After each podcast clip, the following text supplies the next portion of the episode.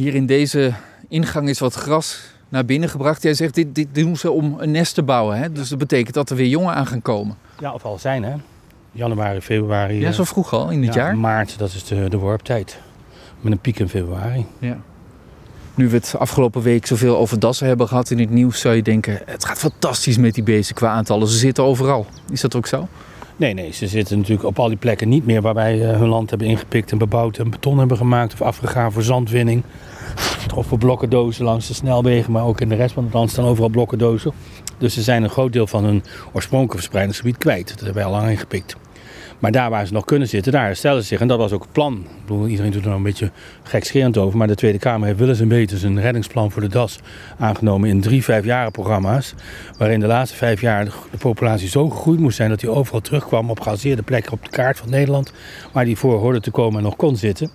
En optimaal veiliggesteld planologisch. Dat was de belofte die de Tweede Kamer eh, plechtig deed toen. Wacht even, optimaal veiliggesteld planologisch. Leg Ja, nou, optimale dichtheden, dus dat wil zeggen, niet hier en daar een das, maar gewoon optimale dichtheden wil zeggen dat de territoria aan elkaar grenzen. Ja. Eh, optimale dichtheden betekent ook gezonde families van zo'n 8, 9 dieren, niet, niet twee of één kwijnend.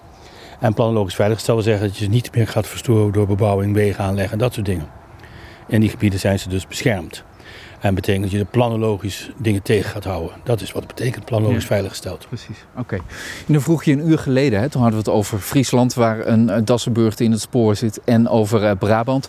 Toen vroeg ik, is het nou toeval? En natuurlijk is het toeval dat het op hetzelfde moment gebeurt. Maar wellicht is het niet helemaal toeval, toch?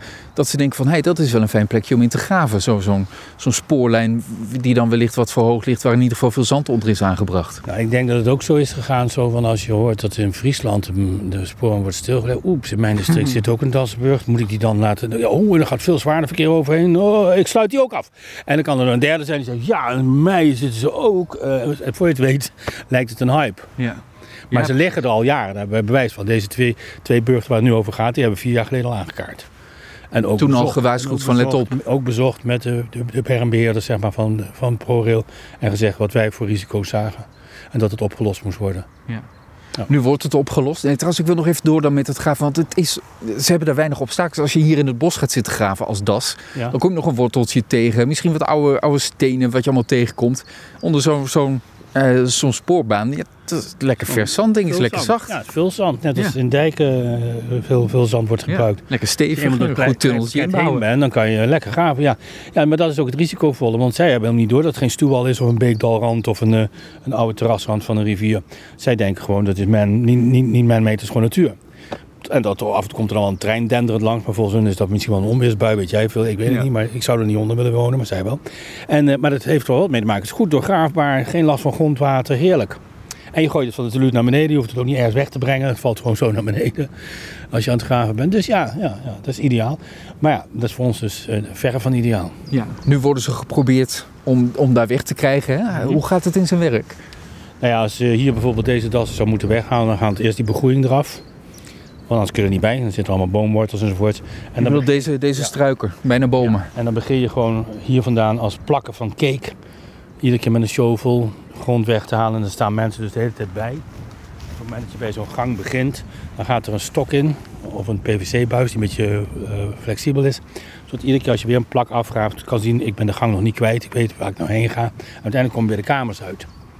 En daar zijn dan de dassen. Of ze zijn op dat moment nog dieper aan het gaan, omdat ze weten dat je eraan komt. Ja. En dan moet je haast maken, want ze gooien allemaal grond achter zich dicht, waardoor je de gangen kwijtraakt. Dus je moet er echt wel bovenop zitten. Maar ze zijn beschermd. Mag Ja. dit allemaal zomaar dan? Nee, dat mag dus helemaal niet, behalve, en dan komt het, als er een dwingende reden van groot openbaar belang is. Tegenwoordig in de wet is het zelfs nog lichter als er een reden van groot belang is. En dat is toch, denk ik, eh, menselijke veiligheid bij spoorbanen Ja. En, het, eh, en het wegverkeer. En dan, eh, maar dan moet je nog steeds compenseren en mitigeren. Dat wil zeggen dat je de schade zoveel mogelijk moet beperken. En dan is er een gedragscode. Je moet het niet in de periode als ze jongen hebben. Dat hebben ze nu wel. We gaan dus nu in strijd met de gedragscode nu te werk. Wat toch gedekt kan worden alleen maar door een minister die zegt het is een dwingende reden. Dit moet, nu. En dan neem ik maar het risico dat die jongen voorkomen of vertrapt worden onderweg of kwijtraken. In ieder geval raken ze hun moeder waarschijnlijk kwijt, want die is dan zo gestrest dat hij ze echt geen borstvoeding meer gaat geven. Dus dan moeten ze weggehaald worden.